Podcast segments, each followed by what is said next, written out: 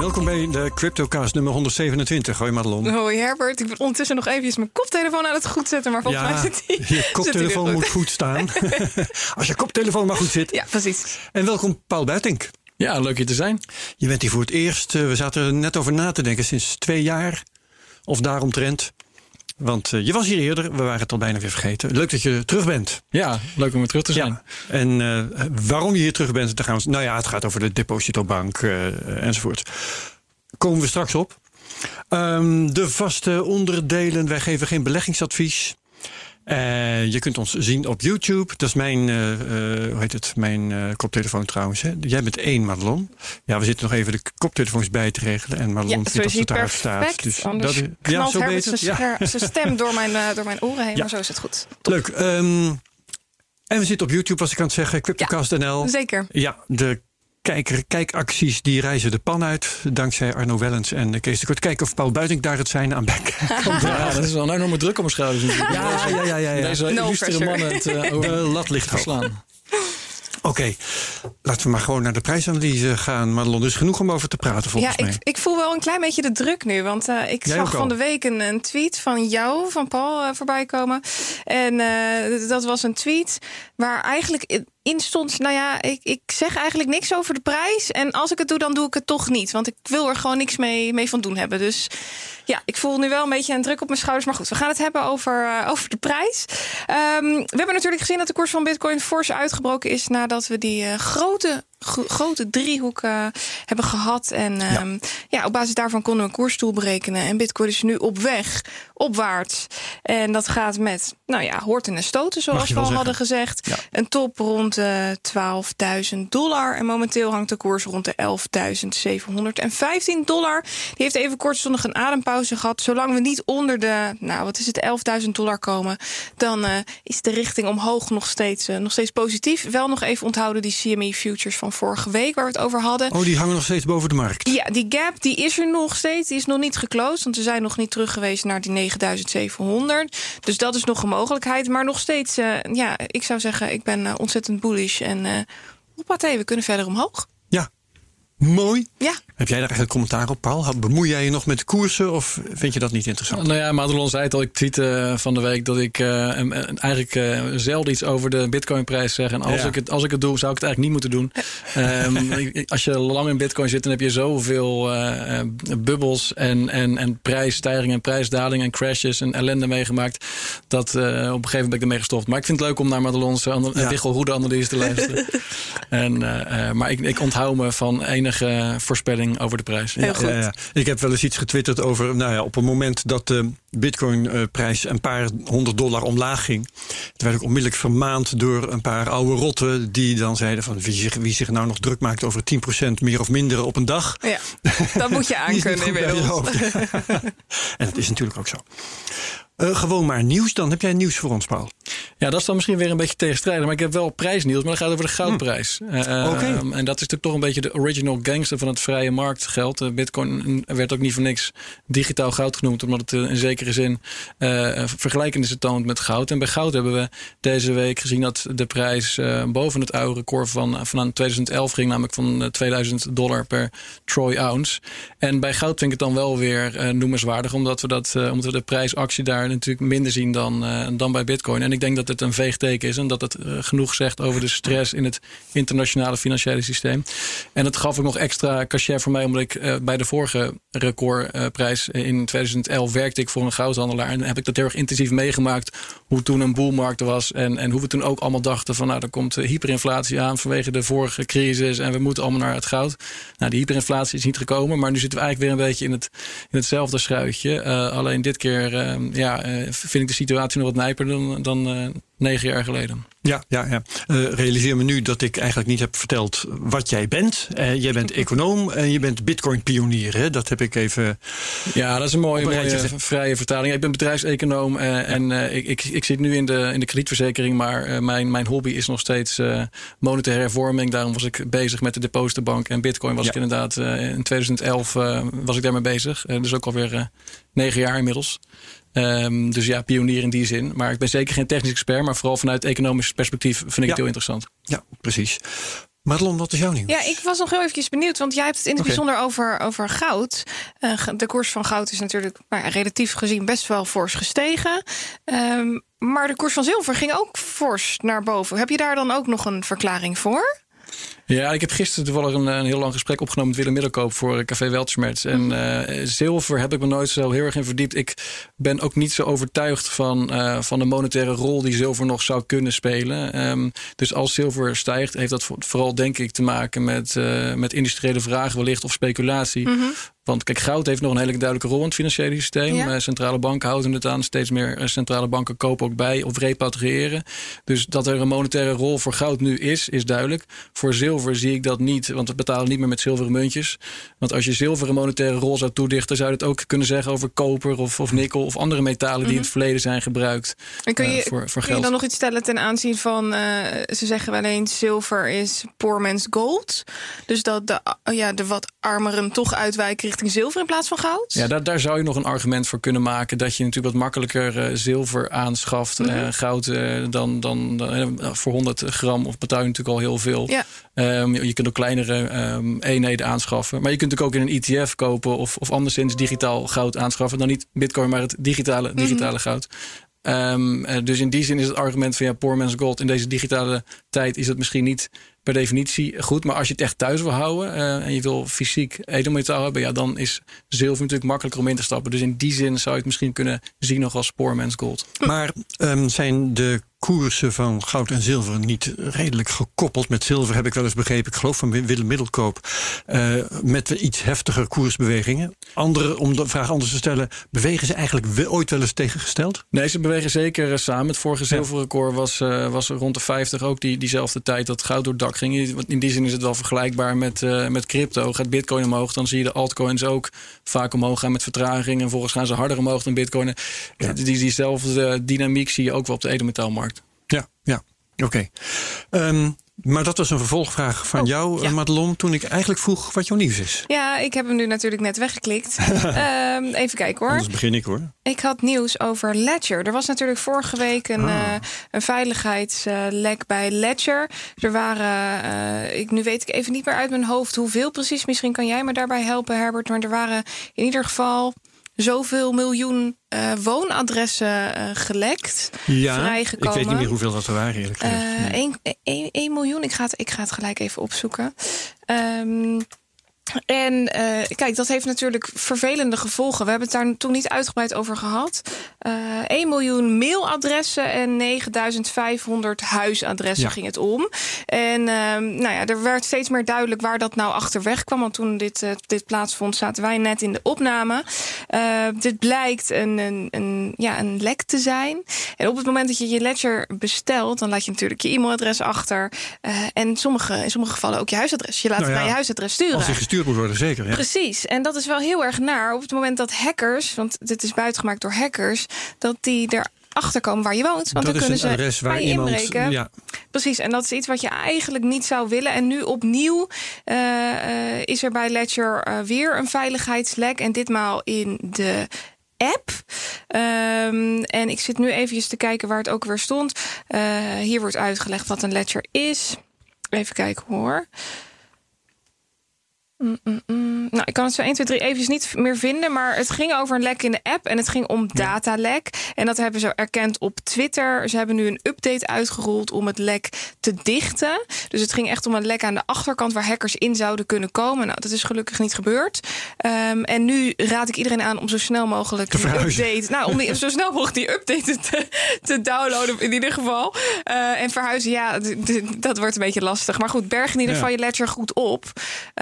Ja, het is heel naar dat dit gebeurd is. En voor de tweede keer in één week, dat Ja. is, eh, is niet En prettig. overigens, ehm, een eh, ledger als die gestolen zou worden, ehm, is redelijk veilig. Hè, als je tenminste niet de pincode en de seed daarbij ook kwijtraakt. Tuurlijk, maar je weet nooit wa- waar mensen toe in staat zijn. Hè? Dus op Nee. het moment dat ze je ledger kunnen bemachtigen... ze kunnen van alles doen om toch die code Ja. te ontfutselen. Nee, dat is zeker waar. Eh, wat verder te overwegen valt, is om hem niet thuis te bewaren. Ja. Hè? Dan eh, kun je natuurlijk ook wel daar iets op bedenken. Mhm. Oké, ehm, dank je. Eh, waar ik het over wilde hebben, dat was het overzicht van de koersen van juli. Dat vond ik wel heel interessant. Ehm, coin, even kijken hoor, welke was het ook weer? CryptoNews.com. CoinMarketCap had trouwens volgens mij ook een overzicht. Maar Crypto News vond ik wel heel grappig. Er waren een paar dingen heel saillant. Ze hadden uh, de top 10 uh, van coins bekeken en vastgesteld dat de bitcoin met 25% koerswinst in juli het daarvan nog het slechtst had gedaan. Mm. Er waren er een x-aantal, ik geloof drie, die zaten zelfs boven de 50%. Maar alle coins in de top, top 10 hadden meer winst geboekt in juli dan bitcoin. Verder hadden ze ook een uh, bottom 10 uit de top 50. Dus ze keken naar de 50 coins met de grootste marktkapitalisatie. Hadden daar de 10 uitgehaald die het het slechtst hebben gedaan. En daarvan stonden er maar twee in de min. En van die bottom 10 hadden er nog altijd, ik geloof uit mijn hoofd gezegd, vier een koerswinst van meer dan 10 Zo. Zo maar, gaat het op dit moment met de altcoins. Wat zegt dit dan nu? Want nou, eigenlijk gaat het dus dat heel goed. juli een waanzinnige maand is geweest ja. voor uh, crypto. Uh, en ik heb ook nog eventjes wat verder gekeken, wat wel uh, heel interessant was. Want um, ze hadden bij Crypto News ook uh, cijfers over het laatste kwartaal Mhm. mm -hmm. en cijfers over het laatste jaar. En de cijfers over het jaar vond ik heel interessant. Want Bitcoin met 25% koerswinst over juli, wat, heb, wat heeft Bitcoin voor koerswinst over het hele jaar, de afgelopen 12 maanden? 10%. Want weet je nog, een jaar geleden kwamen we net van die piek van 13.800 Mhm. en zat Bitcoin in een dalende trend. Dus als je van nu, vanaf nu een aantal maanden nog wacht, dan wordt de koerswinst van Bitcoin over de afgelopen 12 maanden steeds meer, ook als Bitcoin volstrekt vlak blijft. Ja.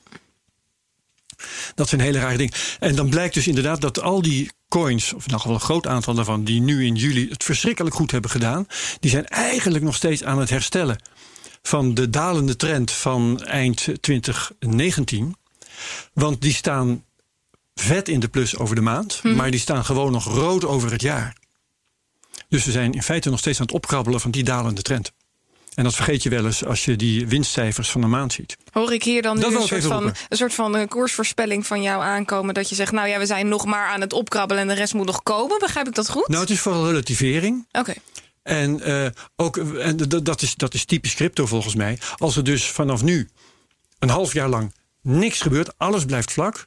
Mhm. Dan zul je toch over het jaar zul je, zul je allerlei coins uh, steeds verder in de plus zien raken. Gewoon omdat het een jaar geleden een dalende trend was. Ja, ja, ja zeker. Daar, daar heb je absoluut gelijk en in. daarmee bedoel ik dus te zeggen dat stijgen of dalen soms maar heel weinig zegt. Ja.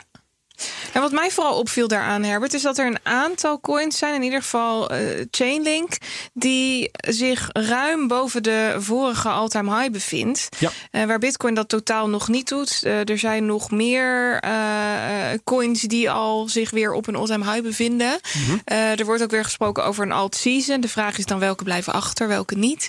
En ja. heeft dat dan, ja, kun je iets zeggen over prijs en waarde? Vertegenwoordigt die, die, die, die waarde dezelfde, de juiste prijs? Uh, of ja. is dit puur nog een laatste stoot omhoog en, en zakt alles ja, daarna en in? wat is nu alweer kuddegedrag en wat Precies. is te wijten aan, uh, nou bijvoorbeeld, want er zijn bepaalde coins die echt wel vet in de lift zitten, ja. uh, is te wijten aan het ontdekken van verdiensten van nieuwe of soms wat minder nieuwe coins. Cardano en Chainlink zitten heel erg in de lift bijvoorbeeld. Er zijn een paar lager geclasseerde jongens die het ook belachelijk goed doen, echt met duizenden procenten over een kwartaal. Ja, dat, dat klinkt meer als pump en dump, toch? Kijk, dat zou kunnen. Nou ja, over een kwartaal, over een jaar, dat, dan is het geen pump en dump meer volgens mij. Lange pump vindt... Lang, een lange pump. kan, maar het is meestal toch over een paar dagen. Maar uiteindelijk, als alles, om jouw vraag te beantwoorden, als alles stijgt, dan is dat toch vooral te wijd en kudde gedrag. Kijk, ik hoop op een gegeven moment ja, een shake-out. Ik zou het heel fijn vinden als ja. er een keer een shake-out komt. En dat al, mijn, mijn maatstaf was al Dogecoin. Als Dogecoin nog steeds, uh, hoeveel is Dogecoin nu waard? De market cap waarschijnlijk nog steeds uh, ik, uh, enkele miljarden. kun je dat opzoeken, Madelon? Ja, zolang, een, een, zolang een coin die... Waarvan, 440 miljoen. Oké. Okay. Miljoen. Oh, miljoen. miljoen. sorry. Ja, zolang een coin die waarde heeft waarvan zelfs de, de developer, de originele developer zegt van het was allemaal één grote gimmick en nog steeds hebben we die waarde. Dat is voor mij de maat, de, de, beetje de barometer dat we nog steeds in een manie zitten. Ja. En, en um, maar gerust gaat dat nog jaren door. Het zou kunnen zijn. Maar ik, het zou fijn zijn als je op een gegeven moment echt winnaars gaat zien. En, en Bitcoin is daar natuurlijk ja. uh, het voorbeeld van. Dat bestaat natuurlijk wat langst. En het heeft een, een Lindy-effect op een gegeven moment. Hoe langer het bestaat, hoe, hoe groter de kans dat het blijft bestaan. Ja. Um, maar ja, zo, zo, zolang alles omhoog gaat, um, ben ik altijd voorzichtig. Ja, ja. En uh, wat zegt het jou dat we, nou, we, we hebben uh, bodems gehad, hè? Uh, wanneer hadden we die ook weer? Begin 2018, zeg ik het nou goed? Nee, begin 2019 zat we op de bodem van 3000 voor Bitcoin. Daar wou die niet onder. is dat dan toch niet iets wat je zou kunnen noemen op dat moment de intrinsieke waarde van Bitcoin? Of vind je dat daar ook nog een element van kuddegedrag van zeepbel nog steeds in zit? Nou ja, kijk, die bodems worden steeds hoger. En dat is op zich natuurlijk ja. uh, positief. Uh, maar hetzelfde zal gelden voor een aantal altcoins. Mm -hmm. Die, um, wat mij betreft, eigenlijk helemaal geen toekomstwaarde hebben. Dus, uh, maar goed, um, zolang, hoe, hoe, langer dit doorgaat, um, hoe groter de kans is dat er uh, iets van blijft hangen voor altijd natuurlijk. Of tenminste ja. voor altijd, niks is voor altijd. Maar, uh, en daarom is ook vaak de vergelijking met een, met een tulpenmanie niet terecht. Want dat was een kortstondige bubbel die stopte. En uh, als, als bitcoin of crypto een bubbel is, dan is het wel een bubbel die constant weer wordt opgeblazen. Ja. Um, en, en kun je het dan wel een, een zeebel noemen? Of, um, ja. of zit er toch meer achter? Ja. Ik wou nog een andere uh, vergelijking maken. Ik heb een tabelletje gemaakt uh, over bodems en, uh, en toppen gesproken. Um, als we kijken naar Bitcoin, um, dan hebben we een bodem gehad van 3000. We zitten nu op 11.700. En we hebben een all-time high gehad van 20.000. En ik wou kijken naar verschillen en verhoudingen. Dat is heel grappig. Um, kijk je naar het verschil tussen de bodem en de huidige waarde, dat is 8700 dollar. Kijk je naar het verschil tussen huidige waarde en all-time high, is 8300. Dus je zit ongeveer halverwege. Maar veel logischer is het eigenlijk om te kijken naar verhoudingen. He, uh, als je nu, we zitten nu in de duizenden. We kijken niet meer op van een koersverschil van een tientje. Wat uh, negen jaar geleden wel zo was. Dus kijk je naar verhoudingen. Dan zitten we nu op uh, bijna vier keer de bodem. En nog niet eens twee keer het all-time high. Dus als je kijkt naar verhoudingen, zitten we veel dichter bij een all-time high dan bij de bodem. Dat vind ik interessant. Bij uh, Ether heb je iets dergelijks. Want Ether uh, had een bodem van 86, staat nu op 400 ongeveer. Uh, dat verschil is 314 dollar. Het verschil met het all-time all high is 1000 dollar, want dat was 1400. Kijk je naar verhoudingen, dan zitten we nu op bijna vijf keer die bodem, 4,7 keer. En we zitten, uh, als we maal 3,5 gaan, nog maar, dan zitten we op een all-time high. Dus als je kijkt naar verhoudingen, zitten we dichter bij een all-time high dan bij de bodem. Ja. Met ether. Ja, dat is wel bijzonder, want ether die, die ging uh, eerder omhoog dan bitcoin. Uh, en daardoor werd, werd ook gesteld. Want we zien nu Heeft een uitbraak. een veel diepere bodem gehad. Precies. Hè? We zien nu een uitbraak uh, op Ether. En Bitcoin die gaat hoogstwaarschijnlijk mee. Dit zal waarschijnlijk de, het, het startsein zijn. Uh, en toch Bedoel je dat Ether dus leidend is op dit ja, moment? Ja, op dat, op dat moment was Ether leidend. Die brak eerder uit dan Bitcoin. Um, en dat is wel heel interessant dat Bitcoin dan nu toch dichter bij de all-time high is dan Ether. Dus uh, ja, ja, nou, omdat Bitcoin minder diep gevallen is. Ja. Hè? Bitcoin is even, even rekenen. Um, tot 15% gevallen, gerekend vanaf het all-time high. Mm -hmm. Terwijl Ether um, naar uh, nog maar iets meer dan 5% is gegaan. Ja. Dus aan beide kanten heeft hij uh, uitschieters. Ja. Goed. Interessant. Uh, interessant om daar eens zo naar te kijken. Een nieuwe Madelon hier. Uh. nou, ik, ik, werk niet met candles en, en uh, hoe heet het, al die dingen. De, de, al, al die patronen, die driehoeken. Ja, head and shoulders driehoeken. ik hoor wel eens wat kreten, maar op die manier kijk ik er niet naar. Dus laat ik lekker aan jou over. Goed, Paul, het is jouw beurt. En uh, jullie hebben van tevoren met elkaar gesproken, dus uh, ik geef het door aan Madelon. Ja, ik, uh, ik dacht dat het eerst wel even goed is om nog eventjes terug te gaan naar helemaal naar het begin. We hebben natuurlijk veel nieuwe luisteraars, nieuwe kijkers, die jou nog niet gezien hebben. We hadden het er net eventjes kort over dat het nou ongeveer twee jaar geleden is dat je hier voor het laatste gast was.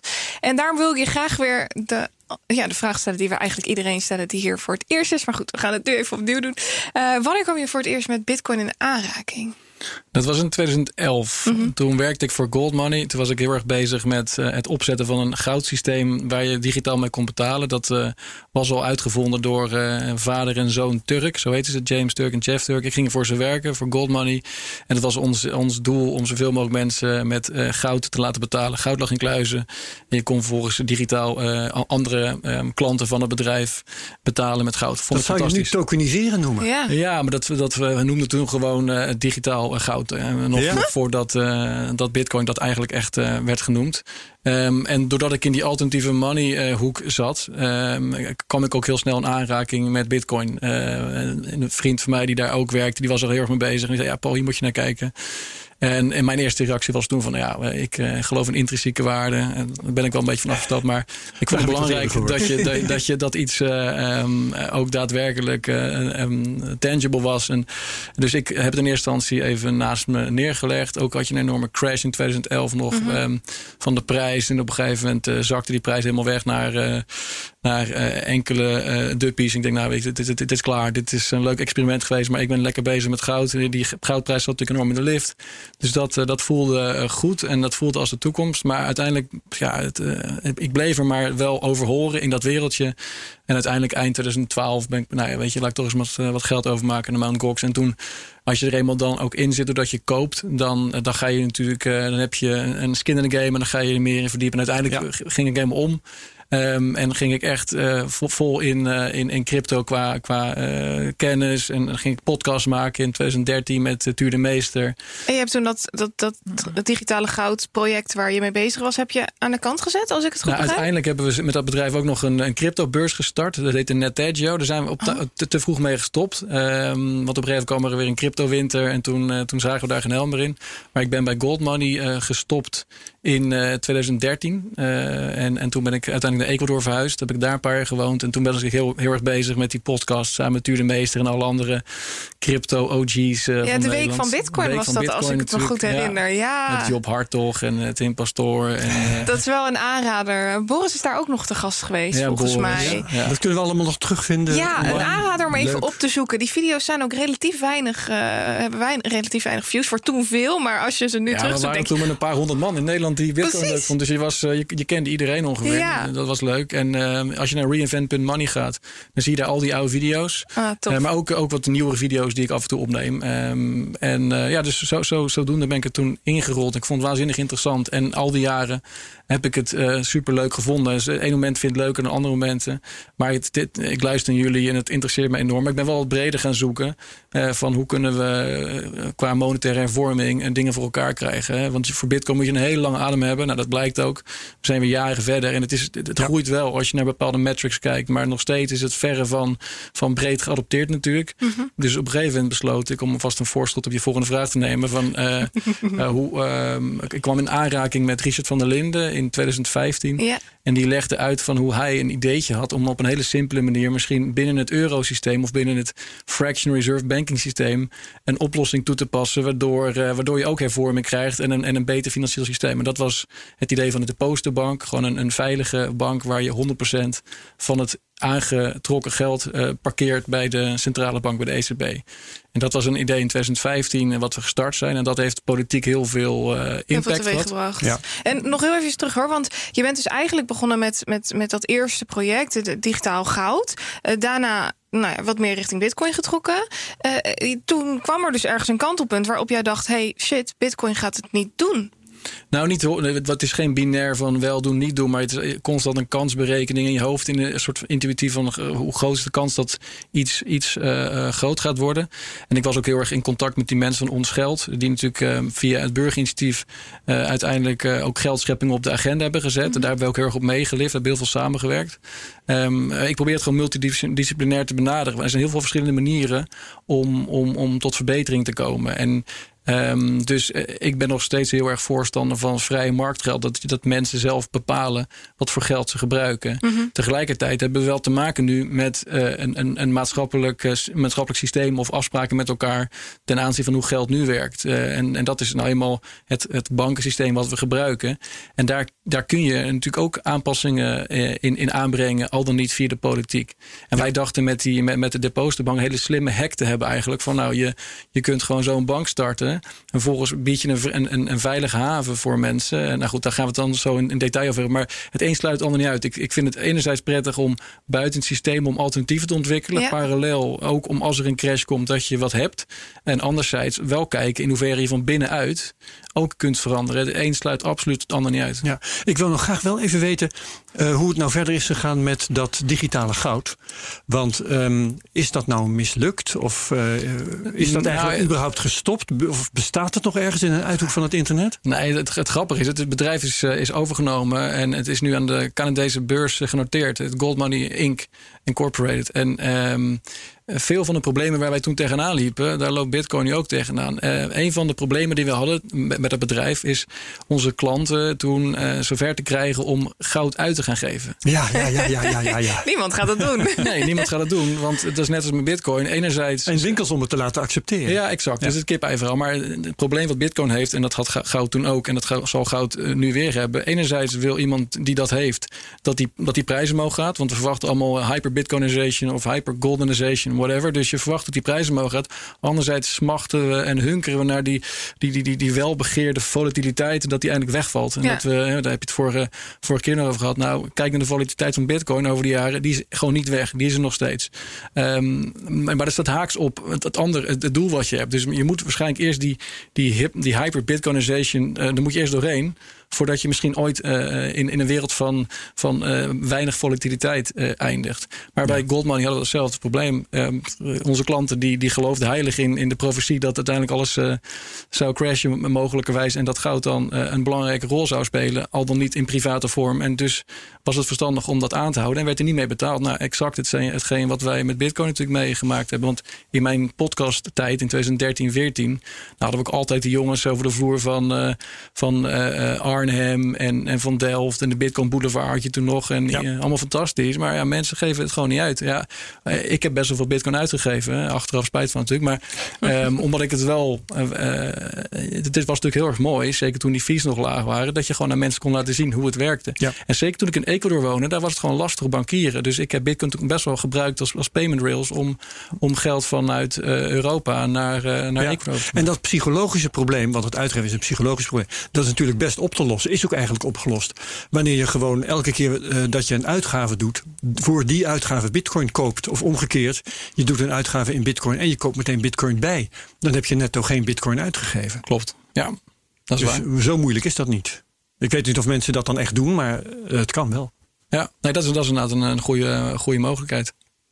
Ja, goed, waar waren we? Ja, eventjes nog, nog terug naar, naar dat hele... Oké, we hebben dus de, de digitaal goud gehad. Daarna kwamen we uit bij uh, bitcoin.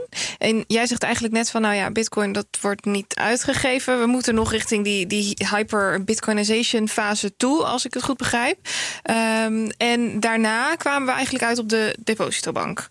En eigenlijk zeg jij, alle drie de wegen zijn apart van elkaar interessant. Um, en die depositobank is in het leven geroepen omdat. Ja, dus uh, uh, het, het, probleem wat we hebben, denk ik, met elkaar, wat we constateren, is dat het uh, financiële systeem zoals het nu staat, ja. niet heel erg dienstbaar is aan de samenleving. Mm. En, en dat we een beter systeem verdienen. Ja. En er zijn meerdere manieren om tot een beter systeem te komen. En ik ben heel erg voor het experimenteren.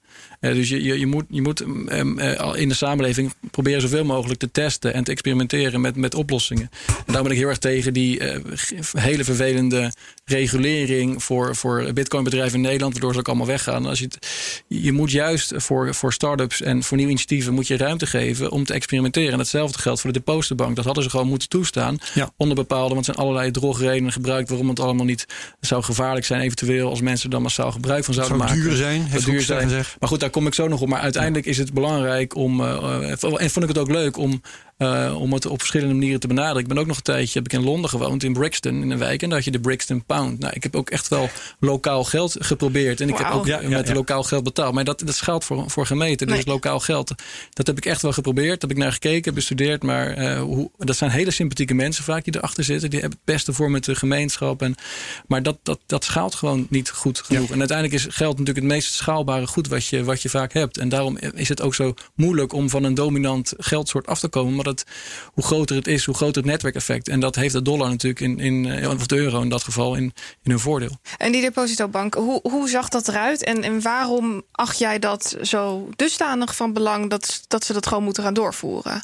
Nou, allereerst was het zo dat in, in, in 2015 toen, en dat is alleen maar uh, sterker geworden, dat het al uh, steeds uh, moeilijker werd in Amsterdam, met name waar ik woon, om met cash te betalen. Ja. Uh, bijvoorbeeld die, die, die, die uh, supermarkt, de markt met een Q, uh, was al, dat, dat accepteerde toen alleen een pin. En niet dat ik daar een heel grote fan van ben, maar dat had ik zoiets van: oké, dus hier wordt je eigenlijk de, de kans ontnomen om met cash te betalen. En, en en omdat ik veel wist van geld, wist ik nou ook cash is nou net eenmaal de, de, het, het, centrale bankgeld wat je als consument gebruikt. Want de rest is, dat zijn gewoon, dat zijn gewoon commerciële bankvorderingen waar je mee betaalt.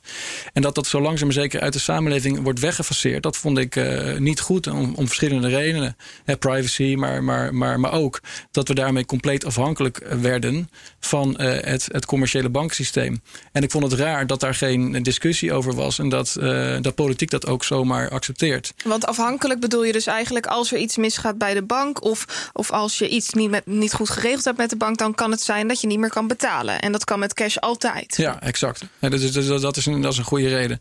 Dus uiteindelijk uh, hadden wij zoiets van, nou, volgens mij is, er, uh, is het, zou het logisch zijn als, uh, als er minst wordt nagedacht over het vervangen van, uh, van overheidsgeld, cashgeld, door een, door een digitale variant. En dan het liefst natuurlijk wel um, um, privacy uh, en, uh, meegenomen. Dat zijn allemaal ja. ontwerpkeuzes. Uiteindelijk geld mm -hmm. is gewoon, on, heb je allerlei ontwerpkeuzes die je kunt maken als je geld ontwerpt. En daarom hou ik ook zo van altcoins, want die kiezen ook weer voor allerlei andere ontwerpen dan bijvoorbeeld Bitcoin heeft. Mm -hmm. En laat het ook vooral met elkaar concurreren. concurreren. Ja.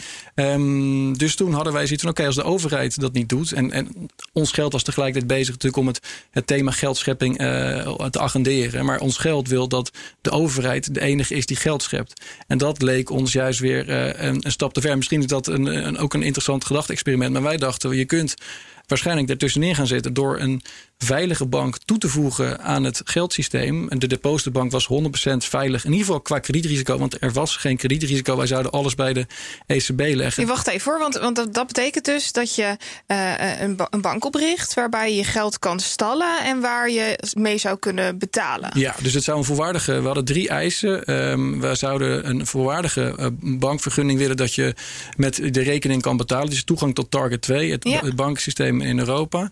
Um, we wilden geen kredieten uitzetten. Uh, want we wilden juist alles lekker uh, bewaren bij de ECB. Want dat is wat een gewone bank wel doet, een commerciële bank. Ja, je bent pas een bank als je kredieten uit, mm -hmm. uitzet volgens de wet. Dat is ook interessant. Dus je bent pas een hey. bank als je, als je uh, dat doet. Maar een, een, bank die enkel bewaart, zoals vroeger de, uh, de Amsterdamse Wisselbank in de 17e eeuw, wat een heel belangrijk instituut was uh, in die tijd, um, dan, dan ben je dus geen bank. Ja, dan ben je eigenlijk een soort van depot. Maar je, je, alleen als je een. Je, je, moet, je moet wel krediet uitzetten, wil je een bank kunnen worden genoemd en wil je mee kunnen doen met Target 2. Dus je, je komt allemaal dat soort, um, dat soort obstakels tegen. Maar de belangrijkste obstakel, en dat is eigenlijk het, het kern punt is, wij wilden ook niet meedoen met de postergrandstelsel. Ja, als, we, ja. als er geen kredietrisico is, waarom moet je dan meedoen? Dat heb je vorige keer volgens mij ook verteld, de vorige keer dat je hier was. Ja, ja. en de overheid heeft een paar keer gehaald, uh, en met name dan Dijsselbloem en, uh, en Hoekstra, van ja, maar er zijn nog steeds andere risico's, operationele risico's en dergelijke, um, waar, en de, daarvoor moet je alsnog meedoen. Wat was de reden waarom je je niet mee wilde doen? En, en... Nou, één, één, omdat wij, als wij geen kredietrisico lopen, waarom zou je dan uh, meedoen in zo'n verzekeringsstelsel? Want je moet wel premie betalen uiteindelijk. Ja. Um, en weliswaar minder dan, dan dat hangt van je risicoprofiel van je bank af. Maar wij wilden gewoon nul premie. Want de andere risico's die we zouden lopen, operationele risico's, kun je enerzijds afdekken door goede controlemechanismes en, en governance. Anderzijds kun je het gewoon verzekeren op de private mm. markt. Um, dus er was helemaal geen reden wat ons betreft om, om dat te doen. En als je meedoet met het depositogarantstelsel en dan gaat een bank failliet. Uh, voorheen uh, was er geen potje. Nu wordt dat uh, ex ante wordt er wel een potje gebouwd, maar dat is echt veel te weinig. Minimaal. Dus minimaal. Dus als er straks een grote bank in problemen komt, dan uh, voor zover ze dat laten doen. U uiteindelijk maakt het allemaal helemaal niks uit. Want de centrale bank die heeft momenteel alles af, uh, afgedekt. Dus het, het hele depositogarantstelsel is eigenlijk een, een, een, een, een, een uh, papier, papieren tijger, ja. was een neus. Ja. Maar uiteindelijk, als je daarin meedoet, dan, dan in principe moet je wel de andere bank redden. En als er dan als er een grote valt en die andere trekt het niet, dan gaan ze op een gegeven moment allemaal vallen. En dan zit je daar straks als, als veilig depositobank, moet je wel de rekening betalen. En dat is net hetgene wat je wilde voorkomen. Want cash, als je cash bezit, hoef je ook niet uh, mee te betalen aan een, een bank deconfiture. Nee. Oké. De, jij schetst nu het plan zoals je dat destijds had. Hè? Dat was een concreet plan voor een bedrijf. Wat was het verdienmodel eigenlijk van dat bedrijf? Nou, we hadden een stichting opgericht. Die, die bestaat nog, maar die zal dan binnenkort worden geliquideerd. En we hadden, um, we hadden een non-profit um, uh, idee. We wilden okay. alleen maar de, de kosten um, moesten worden betaald door de klanten dan voor het, het aanhouden van die rekeningen. Dat zou een paar tientjes per jaar zijn. Dus we hadden een crowdfund opgericht uh, in de zomer 2015. Uh, we hadden bij elkaar berekend dat we 18.000 mensen nodig hadden die allemaal 50 euro wilden betalen. En dan zouden we het eerste jaar mee, mee kunnen financieren. En dan zouden we het zo kunnen doorrollen. En we waren daar goed mee bezig in 2015. We hadden al, uh, al um, iets van 2400 uh, toezeggingen. Uh, alleen maar op papier. We hebben niet dat geld en hebben we nooit ge geïncasseerd. Maar toen kwamen we er, toen kregen we het, ja, het verlossende woord, of, of eigenlijk het vervelende woord vanuit DNB, dat het volgens onze voorwaarden niet mogelijk was om onze bank te starten. En ja. wat was de reden daarvoor? Nou, de, de, de drie eisen die we hadden, die ik net genoemd heb. Dus target 2 toegang, geen krediet uitzetten en geen depositogarantstelsel. Volgens die drie um, voorwaarden was er geen vergunning beschikbaar. En dan hangt het ook weer net vanaf hoe je de wet leest. We hebben de juristen opgezet. Uiteindelijk um, maakt het niet uit, want in maart 2016 uh, kwam er een, een motie in, in, een Tweede Kamerdebat van, uh, van Koolmees uh, en Merkies. Um, over uh, dat uh, er moet worden onderzocht in hoeverre de wet kan worden aangepast om die mooie veilige bank van ons uh, een kans te geven. En die motie is nooit uitgevoerd. Nooit uitgevoerd. Nee. Wel aangenomen, maar niet uitgevoerd. Nee, uiteindelijk wow. is die nooit uitgevoerd. Er is heel veel getraineerd. Er is natuurlijk. Maar dat is vreemd. Hoe, hoe kan dat? Ja, dat is, dat is de kracht van, uh, van, van hoe, uh, hoe, hoe de, de macht uh, is georganiseerd. Is uiteindelijk kunnen ze door traineren en, en vragen, vervormen, stroommannen allerlei andere technieken kunnen ze zo'n discussie eigenlijk gewoon op een gegeven moment parkeren en, en laten, laten ja. uh, verstof, uh, verslof. Dit kan nog niet, toch niet? Dit, er is ja, een motie er worden, aangenomen. Er worden wel vaker moties daarna... niet uitgevoerd. Dat is verder Kijk, niet uiteindelijk bijzonder, helaas. Nee, nou, ik vind dat, dat vreemd, kijk, maar hoezo is dat niet... Nou, ik kan je er wel meer over vertellen. Kijk, uiteindelijk um, uh, hoe het gegaan is... we hebben dat, uh, dat de BAS was er... en uh, er was ook een, een, motie aangenomen om de WRR te laten onderzoeken... Ja. Hè, wat, hoe het geldstelsel het beste zou moeten functioneren... aan de hand van het ons geld burgerinitiatief. Dat heeft uiteindelijk drie jaar geduurd. Mm -hmm. hè? Um, en dus tijdens die drie jaar kon er iedere keer worden verwezen... door de minister, zowel Dijsselbloem als, als ook Hoekstra... van nou ja, dat rapport moeten we afwachten. Dus dat als je, zo'n, uh, als je een commissie start of een onderzoek laat doen, dan weet je als politicus win je weer een paar jaar als, bewinds, als bewindslied. Dus uiteindelijk ben je dan 2019 uh, ben je verder. En dan moet er een debat worden gepland over het rapport. Dan ben je, en uiteindelijk kwam corona natuurlijk nog langs. Uiteindelijk juni, ja. juni vorig jaar is dat uh, debat pas geweest. Toen kwam er ook nog de, de, het initiatief-idee van, uh, van uh, Alkaya kwam erbij. Die wilde ja. voor een publieke depositobank gaan. 100% veilig sparen en betalen heette zijn nota, geloof ik. Hoe, hoe, keek je daar eigenlijk tegenaan? Want jij zei net van, nou ja, dit was ons plan. Uh, ik merk al een beetje nou ja, door, door wat je vertelt, dat het aansturen vanuit een centrale bank niet helemaal is wat jij zou doen als jij de macht zou hebben. Maar, maar hier bijvoorbeeld zegt, ik zou het wel heel fijn vinden als ik nog uh, wat extra geld bij kan printen. Of de, nou ja, hier en daar nog wat uh, toe kan stoppen. Hoe, hoe heb je daar naar gekeken? Ja, dat is wel grappig, want uiteindelijk, um, maar hier heeft ons heel erg gesteund, maar voor hem ook Renske Leijten.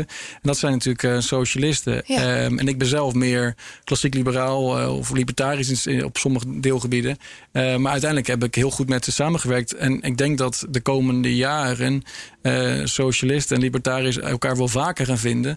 Omdat het huidige systeem zo ontspoort en vooral bepaalde belangen dient. Maar dient een, een, echte, een echte klassiek liberaal. Die walgt natuurlijk van al die interventies en al die garanties en al die bailouts. Uh, maar een, een, een, echte socialist die vindt het ook uh, vreselijk natuurlijk dat die ongelijkheid in de samenleving toeneemt. Dus mm -hmm. ik denk dat je heel veel gelegenheidsallianties zult zien. Met name als het gaat om hervorming van het financiële systeem. Uh, tussen deze groepen. En, en, en Mahir heeft zich heel hard gemaakt voor. Die wil gewoon een level playing field tussen banken onderling. En dat banken niet meer hoeven, hoeven te worden gered. Maar om dat, dat voor elkaar te krijgen, heb je een veilige plek nodig. En ja. of het nou de, posto, de, de, de postenbank is of zijn publieke variant. Voor ons was het om het even. Uiteindelijk, onze private bank was, leek een makkelijke hek te zijn om, om, om het systeem veiliger te maken. Maar altijd in combinatie overigens, dat is belangrijk, met de afbouw van het depositogarantstelsel. Mm -hmm. dat, was een, dat moest wel gebeuren. Want als dat niet gebeurt, dan gaan mensen namelijk niet betalen voor een veilige bank. Want dan denken ze, nou ja, ja tot een ton. Betaald, uh, ja. Tenzij je natuurlijk meer dan een ton hebt en je hebt alle banken al benut en je wil, uh, en je wil nog meer, uh, dan zou het misschien handig zijn. Of, of verenigingen, stichtingen of andere partijen met veel geld, die zagen zeker veel, veel heil in ons idee. En van een veilige plek. denk, denk alleen maar aan clearinghouses die soms even een paar miljard moeten stallen. Nou, als het bij een veilige bank kan, dan is dat prettig. Zeker. Um, maar daar, daar zie je dus dat, dat, dat de SP eigenlijk de, de, uh, zeker ten opzichte van bijvoorbeeld de VVD, het best begreep hoe je eigenlijk zo'n markt zo moet ordenen dat er, dat er echt wel concurrentie kan ontstaan en dat je niet meer weer een, een bank hoeft te redden. Ja, bijzonder. Deze uh, uh, gelegenheidsalliantie. Zeker. Um, is nu met, want uh, het, uh, de nota van um, Al-Qaeda is uiteindelijk ook getorpedeerd. Hè? Ja. Um, nou ja, getorpedeerd, zo de prullenbak ingeschoven zonder eigenlijk een ja. heel duidelijk antwoord te geven. Met, want jij zei ook met drogredenen. Het zijn in feite drogredenen die dan worden aangevoerd. Ja, en uiteindelijk uh, Thomas Bolle is mijn favoriete financiële journalist, die hier ook vaker geweest. En die heeft dat weer heel mooi opgeschreven voor Follow the Money. Daar waar het financiële dagblad uh, wat, wat mist uh, om, om de diepte in te gaan. Maar uiteindelijk uh, was het natuurlijk een heel raar debat. maar hier deed het goed, maar heel veel andere Kamerleden deden het niet goed in dat debat. En, en Hoekstra die wist zich toch weer op een, op een slimme manier soort van uit, uit te, te, te vogelen. Want uiteindelijk was hij heel erg kritisch over het concept van, van OK. Ja, ja maar zo'n bank heeft ook kosten, wie gaat het dan betalen? En, en dit en dat. Maar uiteindelijk uh, wil hij wel dat we gaan kijken naar central bank digital currency via DNB en, en ECB. Maar ja. goed, dat komt ook niet voor niks. En dat hij kon nog niet zeggen, want, want, hij, hij beweerde dat Al-Qaeda zijn bank duurder zou worden. Ja. Duurder dan het alternatief, dan de central bank digital currency. Niet, niet, gebaseerd op iets. En toen Al-Qaeda hem vroeg, maar leg dan eens uit waarom dat duurder zou zijn, is hij gewoon het antwoord schuldig gebleven. Ja, ja. Nou, zo zie je dat, hoe dat gaat. En, uh, en uiteindelijk op een gegeven moment in de waan van de dag... dan verliest een politicus ook alweer de focus op, mm -hmm. op, op een onderwerp. En er zijn er weer andere onderwerpen die belangrijk zijn. En zo, uh, zo wordt het dan vergeten. Begrijp je ja. waarom dit, dit afgeketst is? Zowel vanuit jullie kant als vanuit de kant van het SP? Waarom ze dit gewoon... Hup, nou, wij noemden dat de olifant in de, in de Kamer in onze afscheidsbrief. die, die we namens het bestuur hebben gestuurd naar al onze sympathisanten. En, en vanuit deze plek nogmaals dank aan iedereen die ons gevolgd heeft de afgelopen jaren. We kregen echt heel veel uh, hartverwarmende berichten binnen. Het is super mooi om te lezen hoe mensen ons al die jaren gevolgd hebben. En, en hoe ze daardoor geïnspireerd zijn uh, geraakt. Dat we het niet opgegeven, uiteindelijk wel na vijf jaar, maar dat, het wel, uh, dat we er gewoon vol voor zijn gegaan. Um, maar ja, de, de, olifant in de Kamer is toch uiteindelijk de euro natuurlijk en, en de ECB. Um, uiteindelijk kun je, kun je het niet toestaan. Um, en ik denk dat Hoekstraat het, zich ook niet kon veroorloven om in Nederland zo'n experiment te starten met een, met een private depositobank of een publieke. Leg het dan eens even uit, waarom zou zo'n uh, private depositobank of een publieke een nagel in de doodkist van de euro zijn? Nou, het zou uiteindelijk dan ook uh, gepaard moeten gaan uh, met, een, met een afbouw van het depositogarantiestelsel. Maar ja. het Europees depositogarantiestelsel is de derde en, en afsluitende fase van de bankunie die nog, die nog steeds niet ver volmaakt is. Maar uiteindelijk wordt er op, op niveau Brussel en Frankfurt natuurlijk heel erg aangestuurd op, een, op het compleet maken van de bankunie en ook de politieke unie natuurlijk. Dat is wel andermaal duidelijk geworden in, in Brussel laatst. Maar um, dus dat, dat Nederland dan ineens op eigen houtje zo'n depositogarantiesysteem uh, gaat aanpassen. Terwijl dat wel de conclusie was na de crisis. Ja, ja, ja. In 2008, commissie de Wit zei: ga nou gewoon weer afbouwen. Want we waren vroeger hadden we 40.000, waarvan de eerste 20.000 had je nog, uh, de tweede 20.000 had je 10% eigen risico. Maar daarna is het opgehoogd tijdelijk naar, uh, naar 100.000. En er is natuurlijk niks zo permanent als tijdelijke overheidsmaatregelen. dat gaat natuurlijk niet meer weg. Maar eigenlijk, alle economen die ik spreek, en ik spreek er veel, en dat staat ook allemaal op, uh, op tape, die zeggen van nou, er moet gewoon af worden gebouwd. want wil je weer een ijssafe voorkomen? Als we straks een Europees volledige bankunie hebben, dan, uh, dan staan we allemaal in voor, uh, voor uh, allerlei cowboybanken in, in kleine staatjes. en in Oost- ja. en, en Zuid-Europa bijvoorbeeld. En de koers van Europa is dus gewoon precies de andere kant op. Ja, dus het, staat, het past niet binnen de Europese agenda. Nou, Hoekstra had andere dossiers. die wilde natuurlijk geen, geen eurobonds en dergelijke. Nou, dat heeft hij ook verloren. Maar uiteindelijk was het ook niet handig om te veel te drukken, denk ik. Dat is mijn persoonlijke uh, analyse van het verhaal om, om, om, om dit dan toe te staan. Dus het enige wat ze doen is traineren, doorschuiven. En nu gaat er dan weer een onderzoek vanuit de, vanuit de centrale bank. Nou ja, dan weten, weten jullie ook, je zit al lang in het cryptowereldje. De centrale banken praten al jaren over uh, central bank digital currencies. In Ecuador, waar ik woonde, had je al zelfs het eerste experiment toen door de centrale bank van Ecuador met, met een digitale dollar. Ik heb het zelfs ook nog op mijn telefoon gehad toen. Maar dat is één grote flop geworden. Maar in, weet je, banken zijn er al lang mee bezig. En banken kopen nu weer een paar jaar tijd door weer een, een, een rapport te schrijven. En dan gaan ze misschien een keer een pilot doen. Of, maar dat gaat, dat gaat natuurlijk een jaar overheen. Dus ze hebben tijd gekocht. Ja, ja. Oké. Okay. Um, jullie geven het nu officieel op. Wanneer wordt exact die stichting geliquideerd? Oh, dat, dat zal. We hebben eind van de maand nog een, een afscheidsdiner. Ik zeggen, ga je dat vieren? Nou ja, we gaan er even, even bij stilstaan, even mijmeren. Ja, en het, ja, het ja. waren, ik heb heel veel nieuwe vrienden gemaakt. En, eh, en ik ben ook heel erg eh, geïnspireerd geweest op meerdere manieren. Dus het, het, dat was een, eh, zeker niet weggegooid. Eh, we hebben heel veel eigen geld ingestoken. Tenminste relatief voor een hobbyproject. Maar het, eh, we, hebben zoveel van geleerd en zoveel leuke dingen meegemaakt... dat eh, ik het zeker niet zie als een eh, verlies. Ja. En wat is het volgende wat je gaat ondernemen? Nou, ik heb nu. ehm, ik, vind het leuk om nog steeds af en toe zelf eh, interviews te doen. Ehm, eh, en dat doe ik eh, onder meer voor mijn eigen kanaal, reinvent.money. Ja. En af en toe voor Weltschmerz. Ehm, dus dat, dat zal ik nog steeds blijven doen. En dan praat ik doorgaans met, met, met experts en economen over, over de monetaire hervormingen die er zijn. En ik kijk dan heel breed. Ik vind het heel interessant bijvoorbeeld om met eh, Steve Keen als econoom te praten. Die helemaal niks heeft met crypto, maar wel heel erg gefocust op, eh, op een jubilee. Dat schulden worden afgeschreven. Ehm, dus ik probeer met zoveel mogelijk mensen te, te kijken om, om zelf dan een genuanceerd beeld te krijgen over wat, wat het beste is. Maar toch is Eigenlijk dat- wat, wat Arno Wellens ook eh, eerder in de podcast eh, bij ons vertelde. Dat er een afschrijving moet komen. Dat er een zure appel is waar je doorheen moet. En wat jij dus eigenlijk doet, is zoveel mogelijk informatie verzamelen vanuit de verschillende economen. Doe je eigen onderzoek. En daar een mooi gehe- algeheel beeld van creëren in je eigen hoofd. Of, Ja, of ja, inderdaad. En dan mensen meenemen in die zoektocht die ik zelf heb. Eh, Ja. Eh, ik kan me voorstellen dat mensen denken van ja, die Paul all over the place. Dan, eh, dan is hij met goud bezig. eh, wat ik ook nog steeds volg. Dan weer met lokale geld, eigen banken. Maar ik vind het gewoon leuk om iets vanuit verschillende hoeken te bekijken. Ja.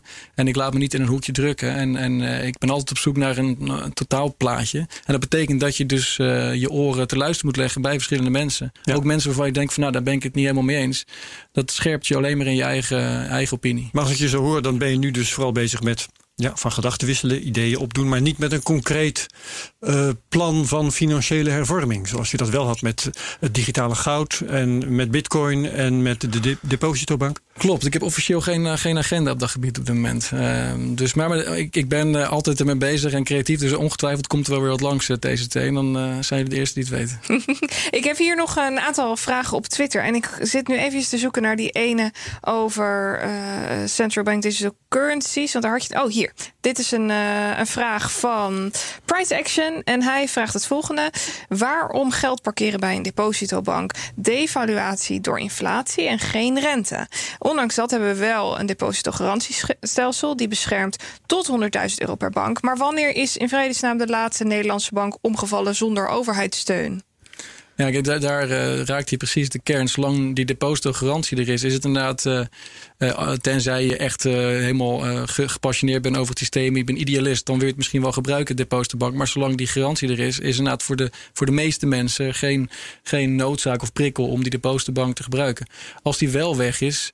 Um, ja, dan heb je misschien uh, inflatie en waardoor je, je geld uiteindelijk minder waard wordt als je, als je het bewaart bij de depositobank. Mhm. Mm -hmm. Maar je hebt dan wel een veilige haven. Terwijl een, een gewone bank waar je je geld dan misschien met rente uh, kwijt kan, loop je wel het risico als belegging feitelijk dat het, dat het mis kan gaan en dat die bank onderuit gaat. Ja, maar wat hij dus stelt is op het moment dat het misgaat met de banken, dan komt er wel weer een fonds of wordt er wel weer geld bijgedrukt of is er een overheid die ingrijpt.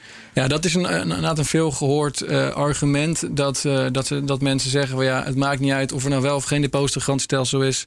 Als het misgaat, dan, uh, dan wordt een bank toch, toch wel gered. En ja. dat is inderdaad meer nog dan toen ik ermee bezig was. Is dat wel een beetje de huidige tijdsgeest. Dat er, er mag gewoon geen pijn worden geleden. En Kees de Kort zei het vorige week nog bij jullie.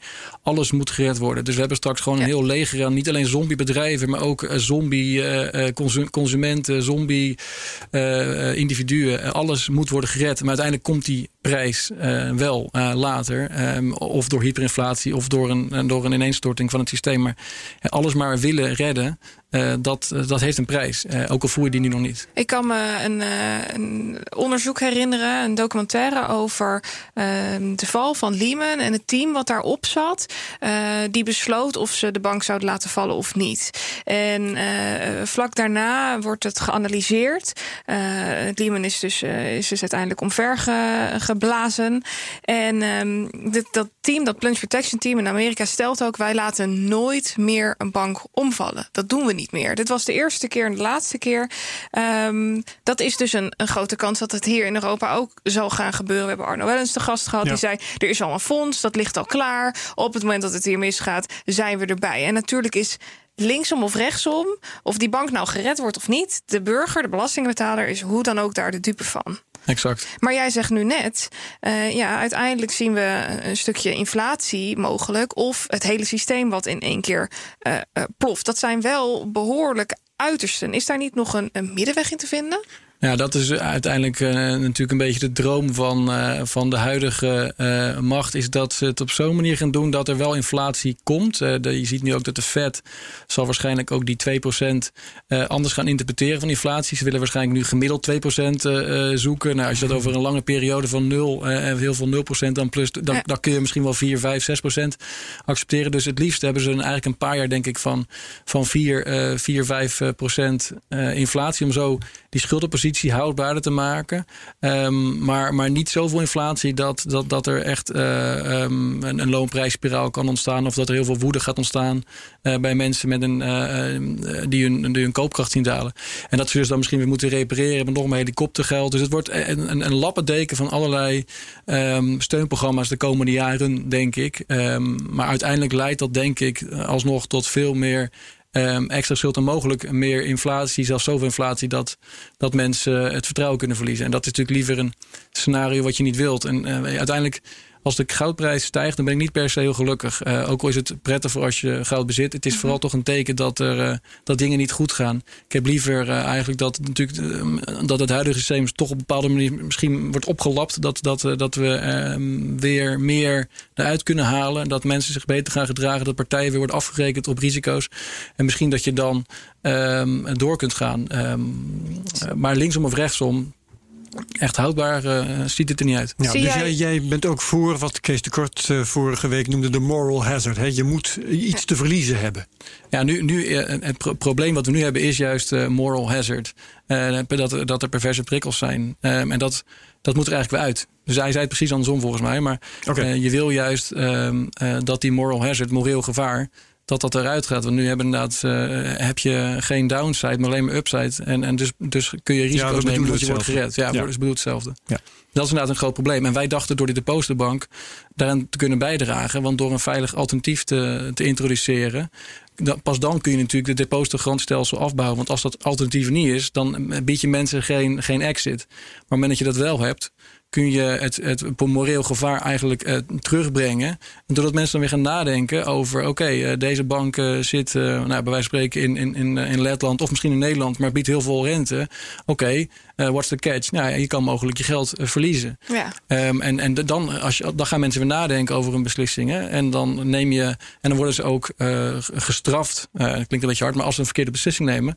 En dan reduceer je dus de perverse prikkels in het systeem. Ja. Ron Wiggers, die vraagt op Twitter die, of die zegt op Twitter dat hij eh, de deposito, uh, depositobank een fantastisch plan vindt. Maar, zegt hij, een depositobank maakt in één klap alle andere banken overbodig. Want die kunnen mogelijk failliet gaan. Voor zover ze dat dan niet zijn. Met alle gevolgen van dien. Verwacht jij dat? Dat op het moment dat zo'n depositobank in het leven geroepen zou worden, dat dan iedereen denkt: oké, shut up, take my money. Ik ga weg bij die enge uh, ABN Ambro of de ING en ik ren naar die depositobank. Ook al krijg ik geen rente meer, dat krijg ik nu ook niet. Nee, dat is inderdaad het, het grootste um, bezwaar wat met name economen en, en met name ook eh, de DNB en minister van Financiën had van oké, maar dit is mogelijkerwijs, uh, en datzelfde geldt voor central bank digital currency, dat het een gevaar is dat mensen dan hun geld massaal van de bank halen en het overmaken naar de veilige haven.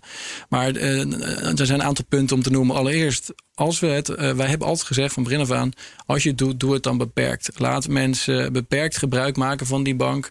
Uh, je zegt bijvoorbeeld maximaal 5 of 10.000, maar dat mensen in ieder geval hun, hun, hun, hun bestaanszekerheid via zo'n bank hebben gegarandeerd. Dus dat ze hun, uh, het kleine spaargeld dat sommige mensen hebben, dat dat veilig staat. Um, maar daar kun je allerlei varianten op bedenken om ervoor te zorgen dat je veilig experimenteert. Maar het zorgt er wel voor dat je dan, als je het zeker uh, stapsgewijs invoert, dat je banken wel eigenlijk dwingt om um, zorgvuldiger te handelen. Dat banken weer, nou ja, misschien qua, qua beloningsbeleid of transparantie of de manier waarop ze investeren, dat ze beter hun best moeten doen. Omdat er altijd het, het alternatief is dat mensen weliswaar geen rendement krijgen, uh, maar wel uh, veilig kunnen, kunnen opslaan het geld. Mm -hmm. Dus ik maak me niet zo heel veel zorgen over, uh, over dat scenario. Dus dat zou een als, je het, als, je het, als je het geleidelijk doet. Dus het, dat zou dan een gezonde herstructurering van een bank zijn, zeg je ja. eigenlijk indirect. Ja. Oké, dat is helder. Ik heb nog, uh, nog één vraag ten aanzien van uh, Bitcoin. Want je zei net, ja, ik ben eigenlijk helemaal niet zo blij als, uh, als de koers van goud stijgt. Ja, los van het feit dat je daar wellicht wat, wat vermogener van wordt. Maar hier zegt iemand, hoe kijk je tegenwoordig naar Bitcoin ten aanzien van de huidige economie? Ja, maar ik, heb, ik ben dus, het is gemengd. Het is, um, uh, dat wil ik in ieder geval bij aangeven. Dat ik, uh, misschien is dat ook weer hoe ik in elkaar steek, omdat ik het dan van verschillende kanten bekijk. Maar enerzijds is het mooi om die koersen te zien, te zien gaan. Ik bedoel, als je zo lang in, in crypto zit, dan, dan dat gevoel, dat euforische gevoel wat je voelt als er weer een boelmarkt gestart is, is, is dat natuurlijk leuk. Toch een soort van gelijk krijgen, zo voelt het altijd ja. een beetje. Zo van, nou ja, zie je wel. Ja, ja, ja. Het is niet niks. Ja, maar dan, dan moet je ook weer gelijk zo bescheiden zijn om te denken, oké, okay, maar in hoeverre heb ik echt gelijk? Of is het toch weer een maan? Die, want 2017 was, een, was een maan. Dus, Fear of missing out, je, je, moet voorzichtig zijn met jezelf op de borst te kloppen. Het kan om, om allerlei redenen kan er een bepaalde uh, beweging zijn in de Absoluut. markt. Uh, maar, maar goed, uh, dus dat is een beetje het gevoel wat ik heb. Maar ik denk dat zeker nu er heel veel geld wordt bijgedrukt en rente overal laag is, dat mensen op zoek zijn naar alternatieven um, en het liefst nog buiten het systeem om. En dan kom je toch al snel uit bij, uit bij de edelmetalen en bij, bij crypto. Maar natuurlijk, de beurzen gaan ook hard omhoog, omdat mensen wat moeten met hun geld. Um, en dus ja, dus als die geldcreatie door blijft gaan. Ja. ja. je ziet bijvoorbeeld in de Verenigde Staten dat uh, krijgen mensen natuurlijk die checks thuisgestuurd. Uh, en heel veel mensen zijn gestopt met hun baan en zijn een daytrader geworden en gebruiken daar die apps zoals Robinhood. En, allemaal 1500 euro storten. Ja, dus dat gaat allemaal. Dat ging, ging zelfs in aandelen. Hertz, terwijl Hertz al fit ja. uh, was. dus mensen, de, de, mensen doen de meest gekke dingen met, met geld. Als je, veel, als je geld ontvangt en je hebt geen, geen normaal alternatief, ja, dan ga je, ga je speculeren. Um, en dan kom je, en dan ongetwijfeld gaat er best wel een stuk van uh, de crypto in. En ja. nu, uh, hoe, hoe kijk je nu naar de toekomst? Want je zei net, ja, ik denk dat we de komende jaren dit nog gaan voelen. Dat ze gaan proberen om toch die middenweg te vinden zonder dat het publiek boos wordt, zonder dat we die hyperinflatie gaan zien. Maar dat is een heel wankel paadje, heel lastig paadje om te bewandelen. Uh, hoe, hoe schets jij nu de, de komende periode? Ja, het is een balancing act. Het wordt, uh, ik, zou, ik zou niet graag nu in de schoenen staan van, uh, van, van onze bewindslieden. Want ik, ik begrijp al heel goed waarom ze nu iedereen geld geven. Want je wil niet, als je kan kiezen tussen de economische dood nu of later, ja, dan, dan, dan doe je toch die, die op een later moment. Um, maar ja, uiteindelijk hangt het heel erg af van hoe snel zijn we af van deze COVID-problematiek. En, en je hebt daar natuurlijk allerlei een mening over in hoeverre het terecht is dat we lockdowns hebben, ja of nee. Maar eh, even los daarvan gaat het erom hoe lang gaat dat door. En als het nog heel lang doorgaat, ja, dan is er nog heel veel extra geld nodig. Althans, er zal heel veel extra geld worden gecreëerd. En zal dat de komende tijd uh, in ieder geval leiden tot meer inflatie in, in, in, in de, in, op de beurzen crypto, goud, maar ook uh, waarschijnlijk uh, TZT wel in de goederen die wij in de winkels uh, kopen. Met name omdat je natuurlijk ook heel veel deglobalisering gaat zien de komende tijd, waarbij ja. productie weer thuis wordt gebracht. En dat, dat heeft een, een prijsopdrijvend effect ook. Je ziet al best wel veel categorieën in, in prijs stijgen. Dus ik ben erg benieuwd hoe de, de inflatie zich ontwikkelt de komende tijd. Maar als dit zo doorgaat, dan, um, ja, dan zie ik dat echt wel toenemen. Ik, als je het in het kamp deflatie, inflatie, zit ik zeker wel uiteindelijk in het inflatiekamp. En waarom is dat, is dat precies? Want we zien bijvoorbeeld, ondanks dat er heel veel geld wordt geprint, dat de omloopsnelheid van het geld juist ontzettend laag is momenteel. Ja, klopt. Dat is natuurlijk Jim Ricketts punt ook. Van ja, zolang die volatiliteit uh, heel laag is en houden mensen het geld vast. Maar het is maar net uh, wie je het geld geeft. Uh, als je met name de, de onderklasse geld geeft die, die, die geen geld heeft en het geld nodig heeft om boodschappen te doen, ja, dan zou je de volatiliteit wel zien toenemen. Maar als je de middenklasse geld geeft, ja, die gaan waarschijnlijk schuld afbouwen. Um, maar uiteindelijk gaat het om de hoeveelheid. Als je maar, net, als je maar veel genoeg geeft, dan komt het wel. En je kunt het geld natuurlijk ook nog uh, oormerken. Je kunt zeggen, nou, dit geld geldt alleen maar als je het hier en hier spendeert. Of dit geld heeft een tijdelijke een houdbaarheidsdatum. Uh, dat het binnen een maand moet worden opgemaakt. Uh, als, als ze willen, krijgen ze inflatie. Deflatie is het grootste gevaar. ja, misschien hyperinflatie is nog groter gevaar. Maar ja. dat is de, de bandbreedte waartussen ja. ze moeten opereren. Maar deflatie willen ze echt niet. Dat, daar zijn ze hartstikke bang voor. En ze kunnen inflatie krijgen. Ze moeten gewoon nog wat beter hun best doen. Als ze zouden willen. Jij, jij zei daarnet... Um je kunt uh, hyperinflatie krijgen of je kunt uh, krijgen dat het systeem ploft. En dan vraag ik me af, ik stel me altijd voor, een, het ploffen van het systeem stel ik me voor als hyperinflatie. Lijkt me een heel goed voorbeeld van ploffen van het systeem. Maar hoe, hoe stel jij het ploffen van het systeem voor? Nou ja, laten we wel focussen op de, voor op, de, op de euro, want daar, want daar wonen we. Ik heb, ik Ja. heb altijd eh, kritiek gehad op, eh, op de ECB dat ze al die QE-programma's draaien. Maar ik heb, ik heb laatst wel een, een soort van eh, een, een change of mind gehad. In, in de zin dat ik, ik, ik sprak met Francis Coppola, dat is een bekende econoom die ook heel erg aan, het, aan de linkerzijde zit, MMT, die, die hoek. Eh, die gaf ja, de, de Modern Monetary Theory. ja, de ECB moet wel, want de ECB heeft natuurlijk dat, eh, een inflatiedoelstelling van 2%. Maar de ECB moet de euro wel redden en zuidelijke staten ondersteunen. Want als de, als de ECB dat niet doet en die staten stappen uit de euro en de, en de euro komt te vervallen, dan heb je alsnog natuurlijk, eh, een, dan, dan in euro gemeten, ga je dan hyperinflatie krijgen of in ieder geval een system meltdown. En dat gaat, staat haaks op het mandaat van de ECB. Dus gegeven het mandaat van de ECB moeten ze doen wat ze doen. En dat kun je heel vervelend vinden, maar eigenlijk zou je dat, moet je dat niet de ECB kwalijk nemen, maar de politiek.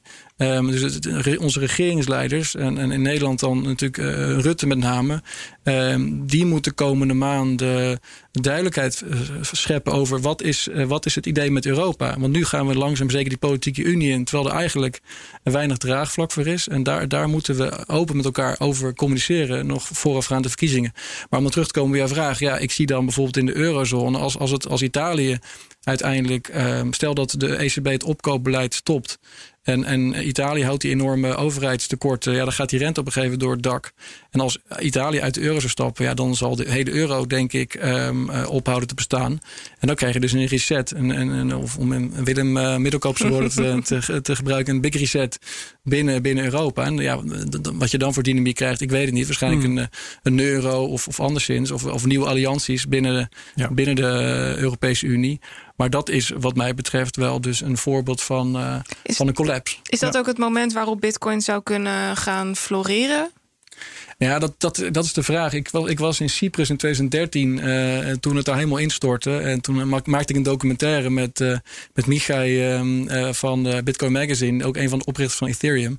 En toen ging de Bitcoinprijs eh door het dak ook. En we zagen hem toen eh, live door de 100 dollar gaan. En iedereen had toen het idee van oké, dat had heel erg te maken met Cyprus. Maar analyses later, jaren later, eh, lieten zien dat dat, niet, dat meer correlatie was dan een eh, oorzakelijk verband. En tijdens de meest recente crisis, natuurlijk met name in maart toen alle beurzen instortten, ging eh, Bitcoin net zo hard naar beneden. En, eh, Ja. en, gou- en goud ook. Eh, Ja, omdat en de mensen stijging positie- nu kan ook gewoon ko- komen door een soort van eh, inflatie als gevolg van geld bijdrukken. Ja, maar dat zou dan wel weer in kunnen. Als, als inderdaad nog veel meer geld wordt ge- gecreëerd om, om systemen in leven te houden. Ja, eh, dat geld zal uiteindelijk ook weer zijn weg vinden, denk ik. eh, in, eh, in crypto. Dus wat in die zin, ik gisteren getweet dat ik bullish ben. Ja, eh, gegeven de, de omstandigheden waarin we zitten en, en mijn verwachting van wat het monetair beleid gaat zijn de komende tijd, eh, zie ik eh, genoeg reden om, Ja. eh, om bullish te zijn. Zowel voor crypto als voor goud. Ja, ik heb nog aan de correspondentie die we vooraf aan deze podcast hadden eh, overgehouden, dat we het ook nog over een Bitcoin ETF zouden hebben.